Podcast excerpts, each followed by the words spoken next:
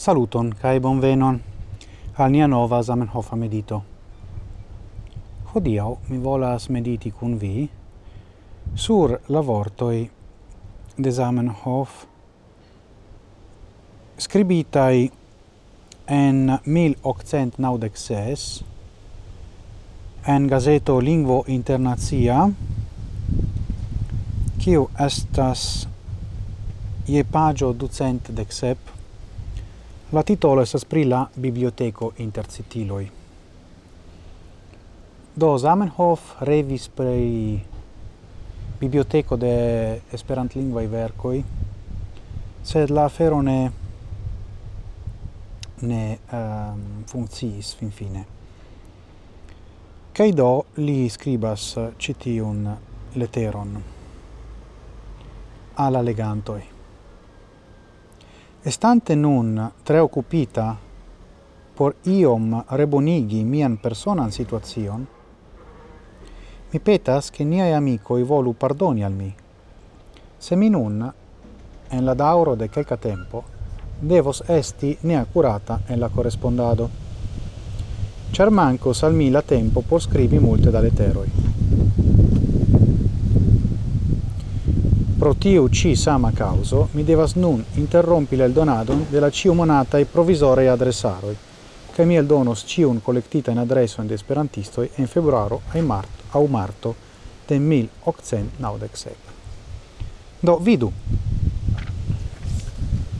Denove Zamenhof montras al ni la vojon de kuraĝo.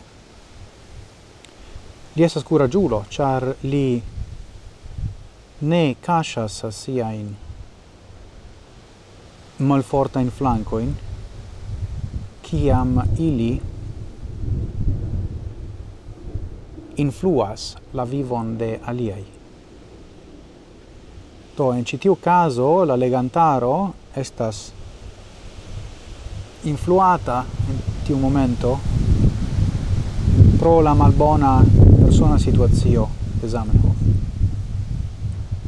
Cae giuste pro tio, li clarigis tion en simplai vortoi sen eh, doni ne necessa in eh, detaloin.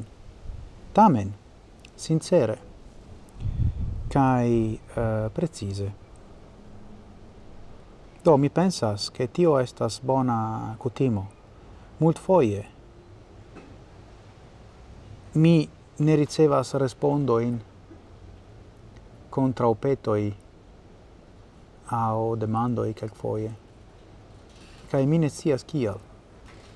kai tio estas vere ne nur malgentila, sed ankau ne accurata fare de la liei Mi clopodas mi mem esti ciam accurata, kai se mine povas esti, mi ciam clarigas, almeno mi pensas che mi faras tion. Ec ciam tio signifas montri malforta in flanco. Eh. Certio tio ne estas signo de malforto fakte, sed de forto. Do, jen ĉio. Espereble la bruo de la aŭto ne estas tro forta. Kaj nun mi salutas vin ĝis morgaŭ kaj antaŭen senfine.